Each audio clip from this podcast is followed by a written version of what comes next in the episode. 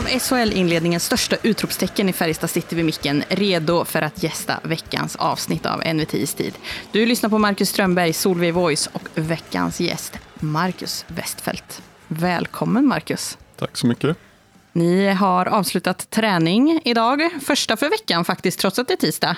Mm, ja, precis. Vi körde ju bara fys igår då, så det var väl lite skönt att återhämta kroppen lite mera och sen så dundrade vi på som vanligt idag. Gött det. Eh, vi kan ju säga då, eh, Marcus S och jag eh, sitter då i NVT-logen i Löfbergs Arena och hör ni någonting i bakgrunden så testar de ljudet. På en ganska hygglig volym just nu. Så vi ber om ursäkt om det är ett missljud. Jag hoppas att ni eh, kan leva med det. Men vi ska försöka att prata så intressant och bra som möjligt så att ni inte ens tänker på det. Och vi hoppas kanske att diskot avtar här inom kort. Ja, det är mörkt där ute, så det lär det väl göra inom kort, hoppas vi. Eh, vi ska börja, Marcus, med att höra lite grann om din start på säsongen. För det känns ju som att du mår väldigt bra när man ser dig ute på isen.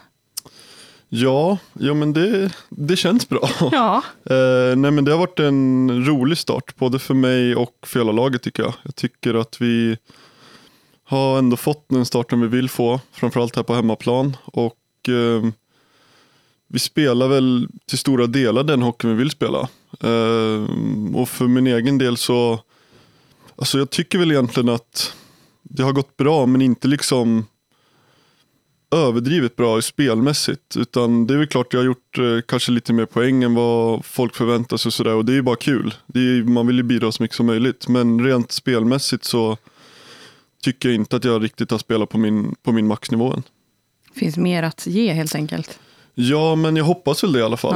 Ja. Eh, jag tycker väl att i stunder i matcher så är jag bra och sen andra stunder så är jag inte alls bra. Så att det är väl ja, men att kunna hålla en jämnare nivå under hela matcher. Du ser överlag eh, bekvämare ut på något vis. Är det känslan du har själv också? Eller att du kan få ut mer av spelet i år?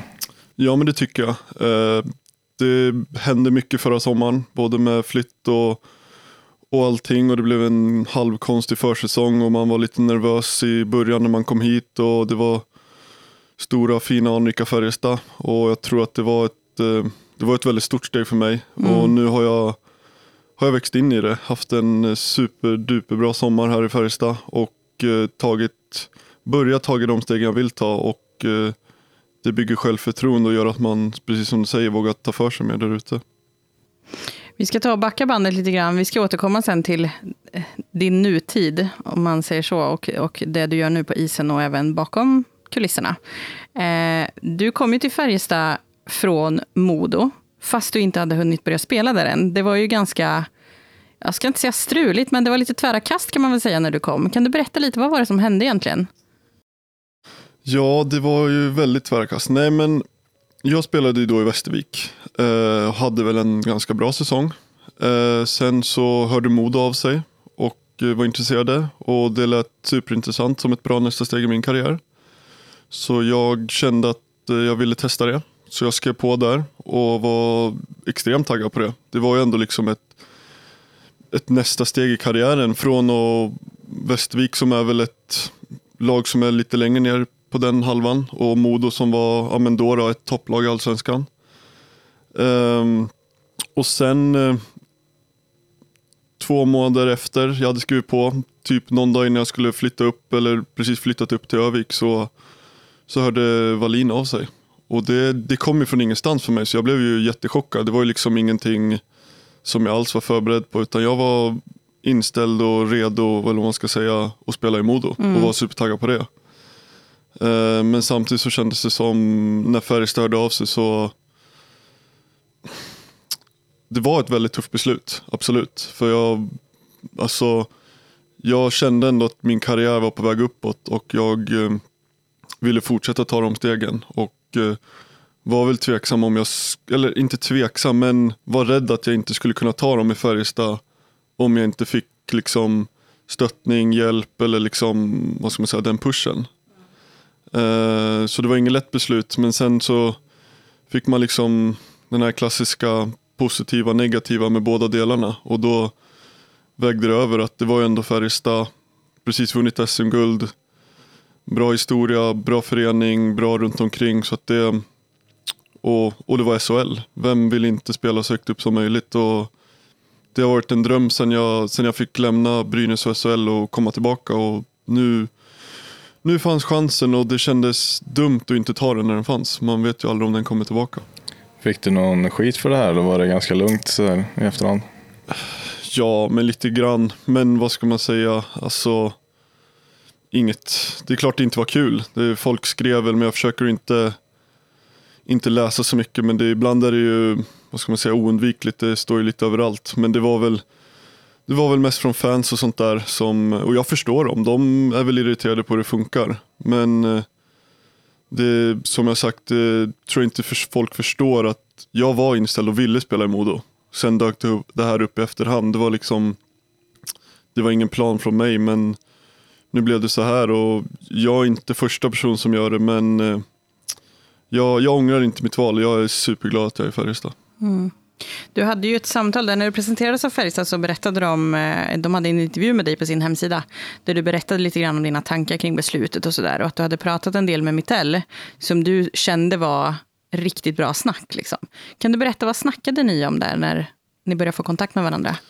Nej, men han, eh, som alla vet, han är väldigt rak och tydlig i allting han säger och pratar om. Och Det var någonting jag ja, men, snappade upp fort att jag gillade. Eh, jag är ändå en sån person som behöver rakhet och tydlighet. Och Han sa vad han tyckte jag var bra på och vad han tyckte jag var sämre på och hur vi skulle jobba på det för att jag skulle bli bättre. Och Sån känsla har jag nog aldrig fått från någon annan tränare. Alltså vad ska man säga, den förståelsen. Alltså vi hade verkligen samma tänk. Vi tyckte att jag var bra på samma saker och ja, men dålig på samma saker också. Och hur vi skulle kunna ta oss vidare från det. Mm, det låter ju som att det var ett väldigt typiskt Mitell-snack, liksom. Att han, han berättar vad han har för plan för dig. Liksom. Ja, men precis. Och det var det. det var väl, först var man väl lite så här, chockade fel ord, men okej. Och så var det verkligen så okej, okay, han är så här, han är rak och tydlig. men nu i efterhand så har jag verkligen insett att det var bra. Ja. Det är väldigt bra för mig och det tror jag i stort sett alla tycker. Brukar det vara mer inlindat från tränare generellt sett att man får höra mest det man är bra på? Nej, så det är väl olika. Vissa är ju så. Eh, sen Mitell är ju väldigt rak och ärlig. Medan andra tränare, det vet väl alla om, är ju inte på samma sätt. liksom. Eh, och det finns ju fördelar och nackdelar med båda två. Så att det, jag skulle ändå säga att det kan skilja sig lite. Mm. En som eh, inte var kanske superkritisk, men ändå ifrågasättande till det här var ju Henrik Radin. Han pratade med Övik Allehanda i samband med det här och sa att han tycker det är märkligt att du lämnar för spel i en fjärde kedja i SHL. Men det käns känslan vi har fått som har följt dig nu i Färjestad är att alltså det har inte egentligen spelat någon roll för dig, utan det har ju varit att du vill bli bättre och bidra med det du kan. Liksom. Ja, men precis. Men det var ju, som jag sa tidigare, när jag la upp de här för och nackdelarna med allting, var ju en av med nackdelarna med att gå till Färjestad. Att man var ändå rädd eh, för vad man skulle få för roll att spela och jag vet inte vad jag hade fått för roll i Modo heller. Nej. Förhoppningsvis kanske en högre roll, absolut. Men jag, jag förstår han också. Det, han har lagt ner tid och allting för att få dit mig och värva mig och sen så bara, vad ska man säga, struntar jag i det och går därifrån. Så jag förstår han till 100% den reaktionen, verkligen. Mm. Har ni pratat med varandra någonting i efterhand eller? Nah, så vi pratade väl kanske lite snabbt bara när det hände men efter det så har vi inte ingenting men samtidigt så vi har ju ingen, vad ska man säga, relation idag. Men det är väl ingen, han är ju sportchef för ett annat lag och jag spelar ett mm. annat lag. Så att från min sida är det inget, men jag, jag, jag förstår hans reaktion, det gör mm. jag absolut. Upptäck ett fulladdat erbjudande på Kia Ceed Sportswagen Plug-in Hybrid. En säker och laddbar familjekombi med uppkopplade tjänster. Dessutom ingår bland annat metalliklack, rattvärme, navigation och telematik som standard i alla nya Kia-bilar. Välkommen in och provkör en laddbar Kia. Kia, movement that inspires. Var Fabil din bilaffär och A-bilar i Arvika.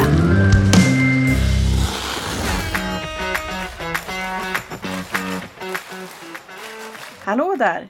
Håll koll i höst. Läs de senaste nyheterna med MVTs pluspaket i tre månader för endast 29 kronor. Med pluspaketet läser du alla nyheter på sajten och i vår nyhetsapp. Länken till erbjudandet hittar du i avsnittsbeskrivningen. Vi ska prata lite grann om, om eh, din utveckling som spelare. För att när man tittar tillbaka på dina juniorår så var du, ja du var ju en poängmaskin alltså. Det var många poäng som kom från, från din klubba. Nu känns det som att du är väldigt hårt arbetande men har just den här offensiva eh, spetsen. Hur skulle du säga att du har förändrats som spelare och de rollerna du har haft? Uh, ja, men jag har väl förändrats ganska mycket tror jag. Men jag tror att det är ganska många som gör det när man tar steget från juniorhockeyn till seniorhockeyn. Framförallt, jag var ju ganska ung, eller väldigt ung kan man väl ändå säga. Mm. Och fick ju spela, men jag fick ju en roll långt ner redan från start. Och fick ju lära mig att hantera den för att det var där det fanns en plats. Det fanns bara en plats i fjärde kedjan. Så vill jag spela så måste jag lära mig den rollen. Och det är väl någonting jag tycker att jag ändå har lärt mig att bemästra. Och liksom tycker väl att det kan vara en av mina styrkor att jag kan användas i, ja men inte överallt, men på många olika situationer. Och många olika kedjor. Och jag tror det är en styrka för att det, det gör ju ett sätt att du ofta får spela mer. Mm. Än om du bara är offensiv eller om du bara är defensiv. Så det vart väl, tyvärr ska jag väl säga, men när jag kom upp tidigt där i Brynäs att eh, det var bara fjärde som var ledig. Eller vad man ska säga. Och då fick jag den rollen och försökte lära mig hur jag skulle vad ska man säga, ta tag i den och, ja, men och få spela. Är det svårt att liksom ställa om sig och tugga i sig det på något sätt? Att man ja, ska man säga, tvingas ta den lite mer defensiva rollen kanske? Eller? Om man är van med att poäng. Jag skulle vilja säga att det kanske var lite så här, framförallt när man var yngre, att det var väl lite frustrerande. Jag hade alltid spelat powerplay och liksom allt sånt där. Och när man kom upp på A-laget så tänkte man att det kan väl göra här också men samtidigt så är man inte tillräckligt bra för att kanske göra det. Så att det är klart, det, är ju en, det blir ju en väldigt stor om, omställning men jag tycker ändå, det tog ett tag men till slut så kunde jag växa in i det. Vilka skulle du säga är dina styrkor då, i den rollen du har nu i Färjestad? Um, ja, det... Låter som en anställningsintervju här. Nej, men jag skulle ändå säga att jag är ganska pålitlig. Mm. Uh, jag kan ju användas ganska mycket. Stabil. Ehm, skulle vilja säga att jag är bra i egen zon. Ehm, samtidigt som jag nu äntligen börjar få upp lite fart på rören också. Som det är lite kul. Så att, ehm, ja, men jag jobbar ju hårt, eller försöker jobba hårt och försöker liksom vara den här stabila, trygga centern som, som man kan lita på. Mm. Eh, vi har noterat här, när vi tittar tillbaka på din karriär, att du gjorde Brynäs mål nummer 6000 i högsta serien.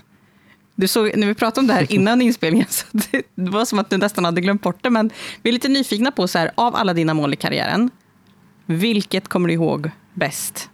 Kanske inte var just det, 6000?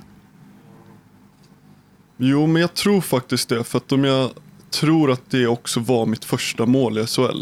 Är det sant? Jag är till 99% säker så var det det.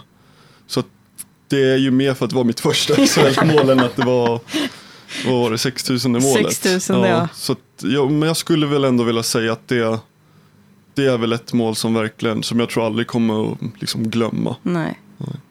Nej, det är ju bra. Bra mm. tajmat då att göra det då. Ja, men verkligen. Ja. Plockar du med dig pucken och hela köret eller?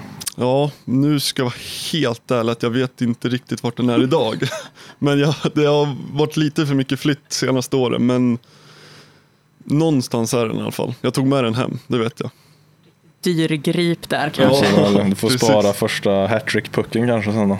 Ja, om man någonsin kommer dit så absolut. Oh, gud. Ja, mäktigt ändå. Mm. Du var ju i Brynäs eh, några säsonger där och, och, du hade tid kvar på kontraktet när du fick beskedet att eh, ni skulle gå skilda vägar. Du var ju rätt ung, alltså du är ju ung nu också, men det här var ju säkert ett ganska tufft besked kan man tänka sig att höra som 20-åring antar jag att du var då? Ja, ja men både och. Det var väl, jag hade ju varit utlånad säsongen innan. Eh, så det tyngsta var väl att i mitt huvud så, för jag var tillbaka i Brynäs och körde hela sommarfysen där. Ja. Och i mitt huvud så hade jag hoppats att jag i alla fall skulle få vara med på försäsongen. Och eh, ja, men försöka spela till med en plats i alla fall i laget.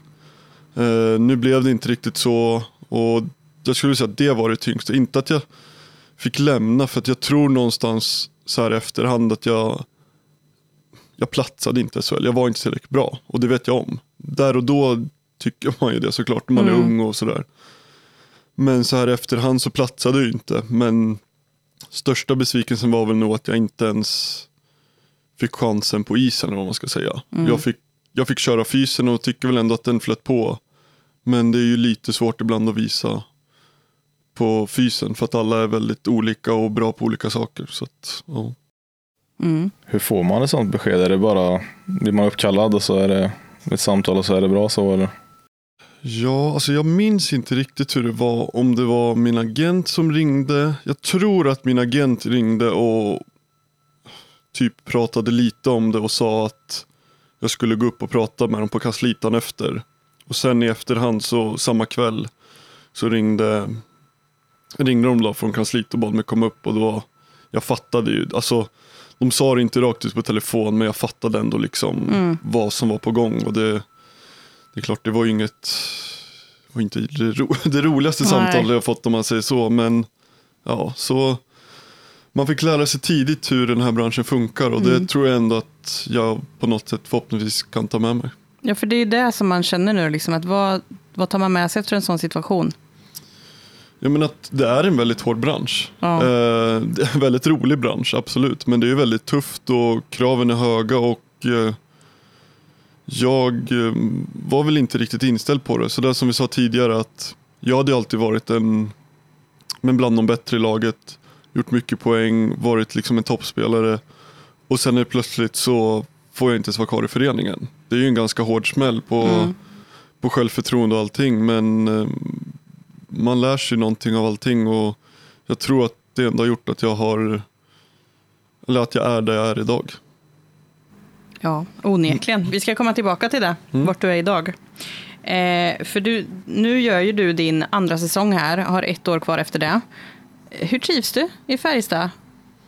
Superbra, Ja. verkligen superbra. Ehm, jag, eh, jag vet inte vad jag ska säga, Nej, men vi trivs jättebra både i stan, i laget, tycker allting runt omkring är eh, extremt bra. Passar, passar mig i alla fall superbra. Det här som jag sa tidigare, jag gillar rakheten, tydligheten med hur det ska vara och hur det funkar. Ehm, så ja, jag, vet, jag vet knappt knappt vad jag ska säga mer än att jag trivs väldigt bra. Vilka hänger du med mest i, i laget? Men jag skulle väl säga, alltså till en början så var det mycket med Axel Bergqvist. Vi är ju lika gamla och spelar lite landslag och sånt där tillsammans. Nu är det, ja men jag skulle säga Axel fortfarande då. Lavner, Joel en del. Och så nu då har det börjat bli lite mer Jonte Andersson här på slutet när han har kommit in. Men det är väl ändå, och Forsell är med, det är väl lite vi yngre gardet som håller ihop en del skulle jag säga. Vill du och ditt företag nå ut genom våra poddar? Vi på NVT Media hjälper dig med din marknadsföring. Kontakta oss på mediepartner.nvtmedia.se så berättar vi mer. Eh, I somras när jag bevakade ett av era eh, utomhuspass på Sola Arena, tror jag det var, eller Sanna Sportfält där borta, så hade ni löpintervaller. Ni körde för fullt, från linje till linje hela tiden.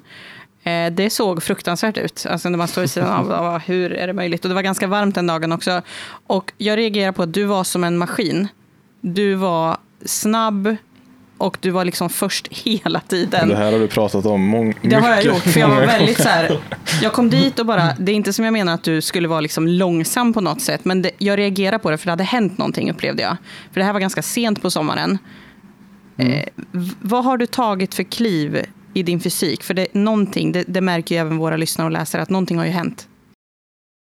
Alltså jag tror ändå, alltså jag tror att jag har börjat förstå vad jag behöver göra för att ta nästa steg.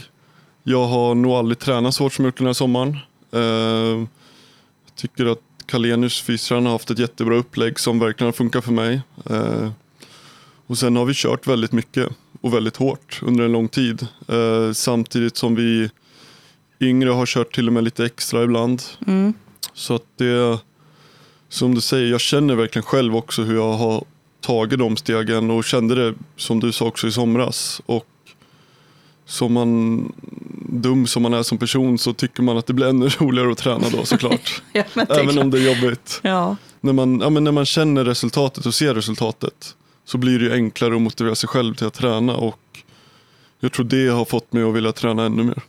Mm. Det måste kännas extra bra att det också syns på isen, att du har ett liksom, större klipp i åkningen och allt det här som, som det har blivit nu. Ja men precis, och det, ja, men det är en sån sak att jag känner ju verkligen hur, det, hur jag får ut det på isen. Mm. Och det gör ju att jag bara vill göra ännu mer tänkte jag säga. Nej, men det är ju väldigt, jag känner ju skillnad och förhoppningsvis ser folk skillnad så att det, det är bara kul.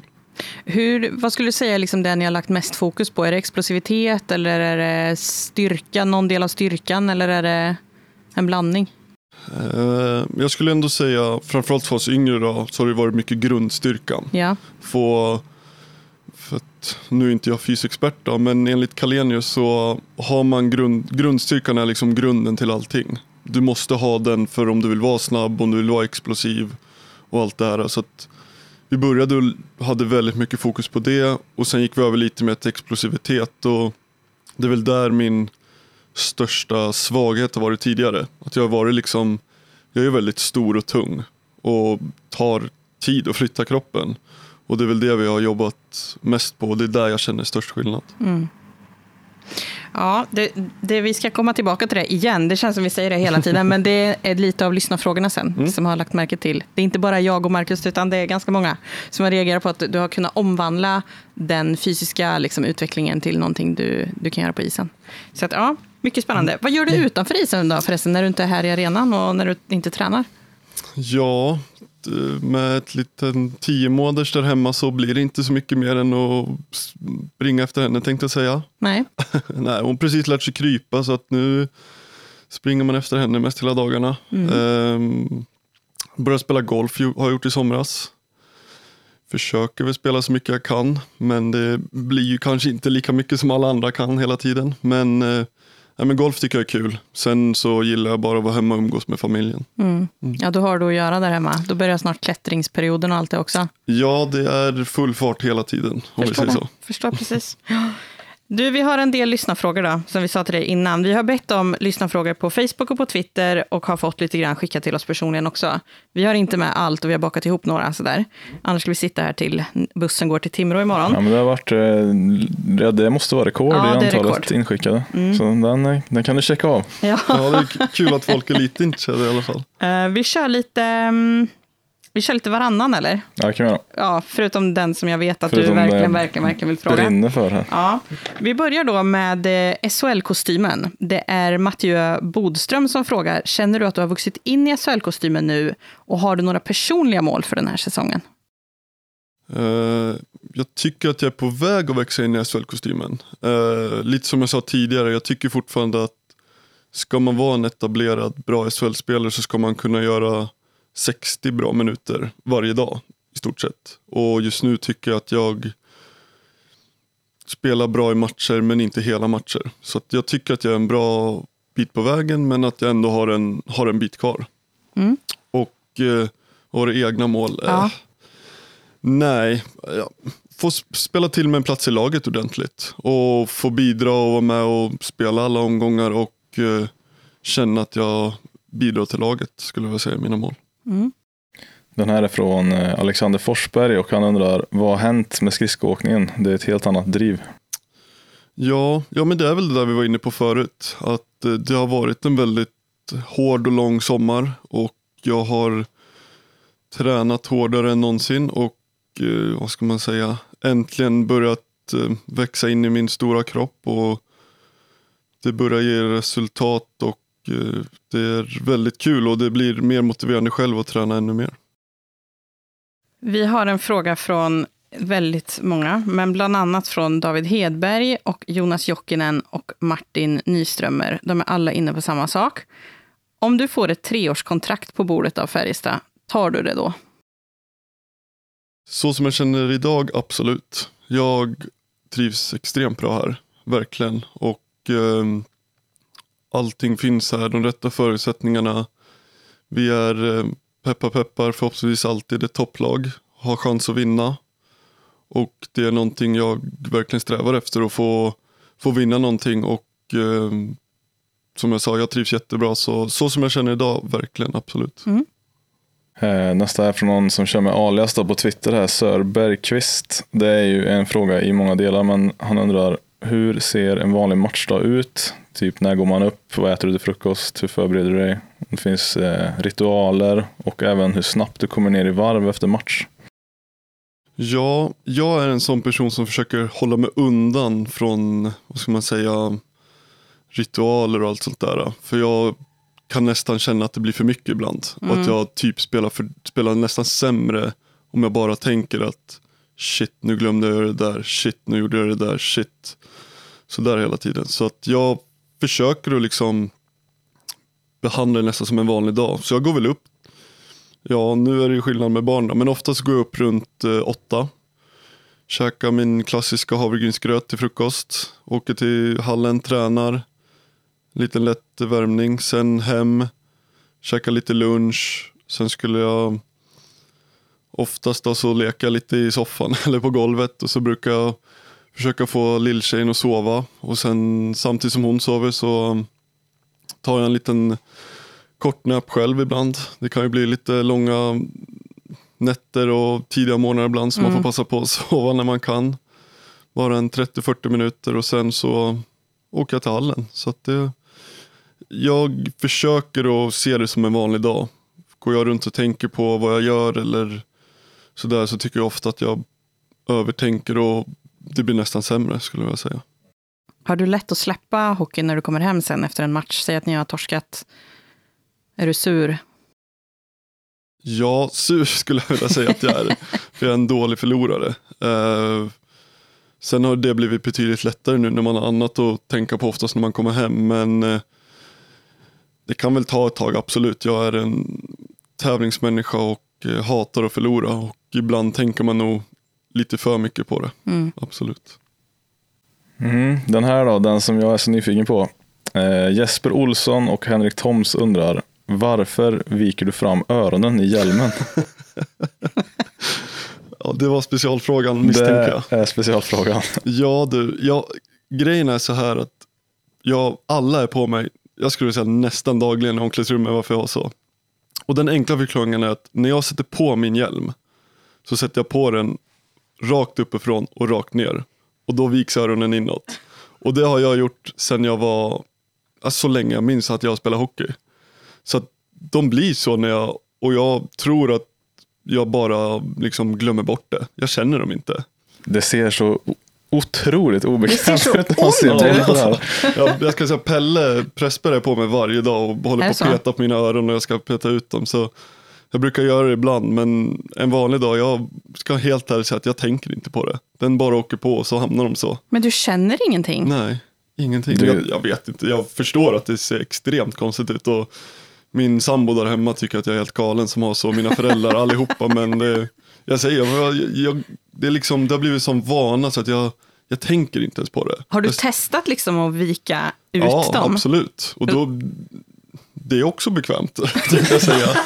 Men det är liksom, jag sätter på mig hjälmen och så blir det så. Och sen så tänker jag inte på det. Så att, det är ett tråkigt svar, men det är bara, det Fast, bara är ändå, så. fast ändå väldigt roligt Det är också. väldigt, väldigt, väldigt roligt. Du kan ju vara unik av alla spelare i hela världen. Typ. Jag har aldrig sett det här nej, och, det, och jag är fascinerad över att folk ser, Ja, det är jag också mest fascinerad över.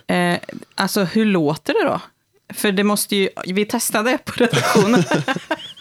Innan vi åkte hit, bara för så här.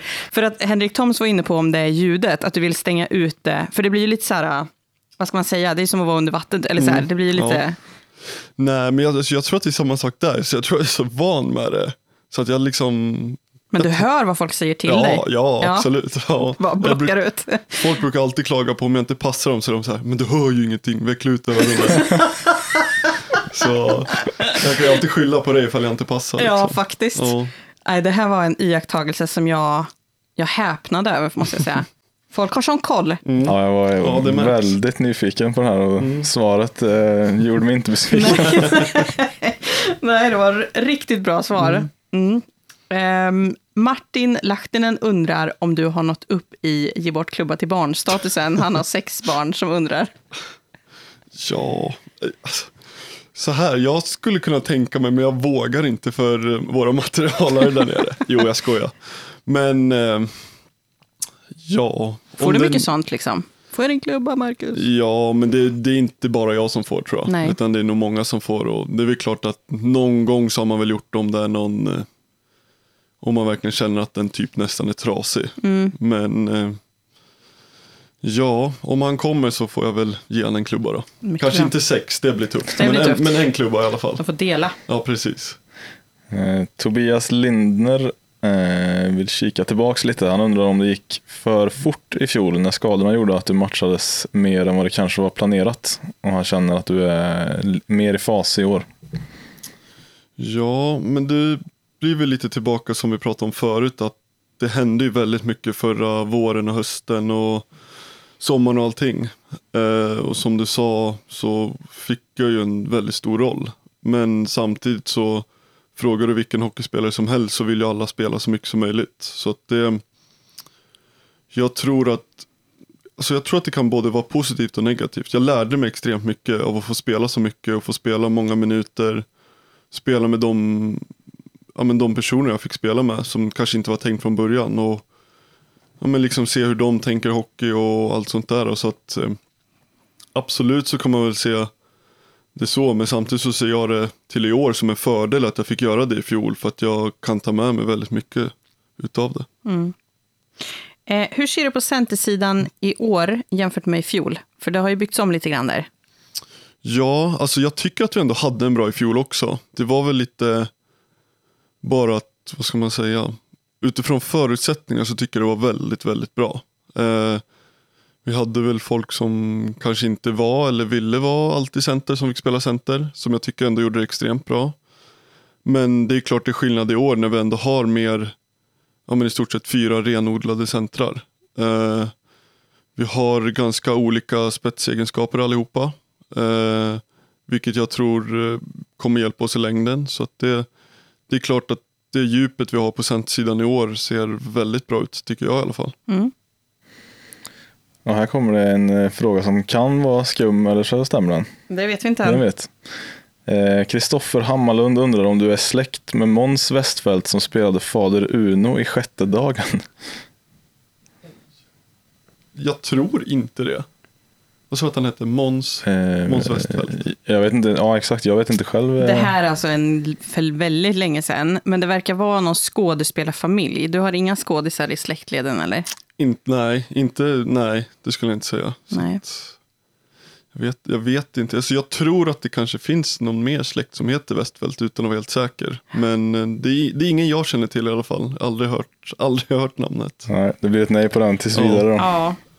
Eh, Hans Johansson hälsar att du gärna får skriva livstidskontrakt med tanke på din utveckling i Färjestad. Och han och även Louise Simonsson undrar hur du trivs i Karlstad som stad. Eh, jättebra, verkligen. Ehm, vi, ja, men det är en väldigt, väldigt fin stad. Uh, mycket, allting finns om man säger så. Vi har en väldigt fin lägenhet nere på stan så vi har nära till allting. Eh, mycket trevliga människor och nej, men jättebra verkligen. Allting finns som man behöver och det känns som en väldigt, eh, vad ska man säga, bra planerad stad och vi trivs väldigt bra. Ja, Marcus, det var de eh, frågorna vi hade. Mm. Marcus och Marcus, det är väldigt förvirrande när ni heter samma sak. Men det var det. Och väldigt, eh, väldigt intressanta svar. Ja, strålande, strålande poddinsats får vi säga. Mycket bra. Ja, tack, Mycket bra. tack. Är du van poddare? Första gången. Du ser, det Ja. kan man inte tro. Eller jag har gjort en annan men det var över länk så att det är första riktiga så här. Gills inte. Nej, men det här var mycket bra. Det har varit jättekul att ha dig här. Ja, tack så mycket. Tack så mycket för att du kom. Och Ja. tack till den andra Marcus här som ni hör varje vecka. Ja, tack detsamma. detsamma. Vi önskar er lycka till då mot Timrå och mot Örebro den här veckan. Dubbla bortamatcher. Ja, Och tack nästa vecka är det väl dags för lite CHL igen va? På tisdag va, tror jag. Jädrans. Då blir det tre matcher. Ja, Mycket roligt. äntligen. Äntligen! Ja. Ja. är det en lång väntan mellan lördag och torsdag? Ja, det skulle jag väl säga. Ibland så kan det vara riktigt segt. Ja. man känner, framförallt nu när vi ändå ska säga, är inne i det så vill man bara spela hela tiden. Jag fattar det. Mm. Mm. Ja, men tusen tack till er båda och tack för eh, att ni har lyssnat på det här avsnittet av NVT Istid med Marcus Strömberg, Solveig Voice och veckans gäst Marcus Westfeldt. Ljud och mix, Solveig Voice, jinglar Karl Edlom och ansvarig utgivare är Mikael Rotsten. Hej hej!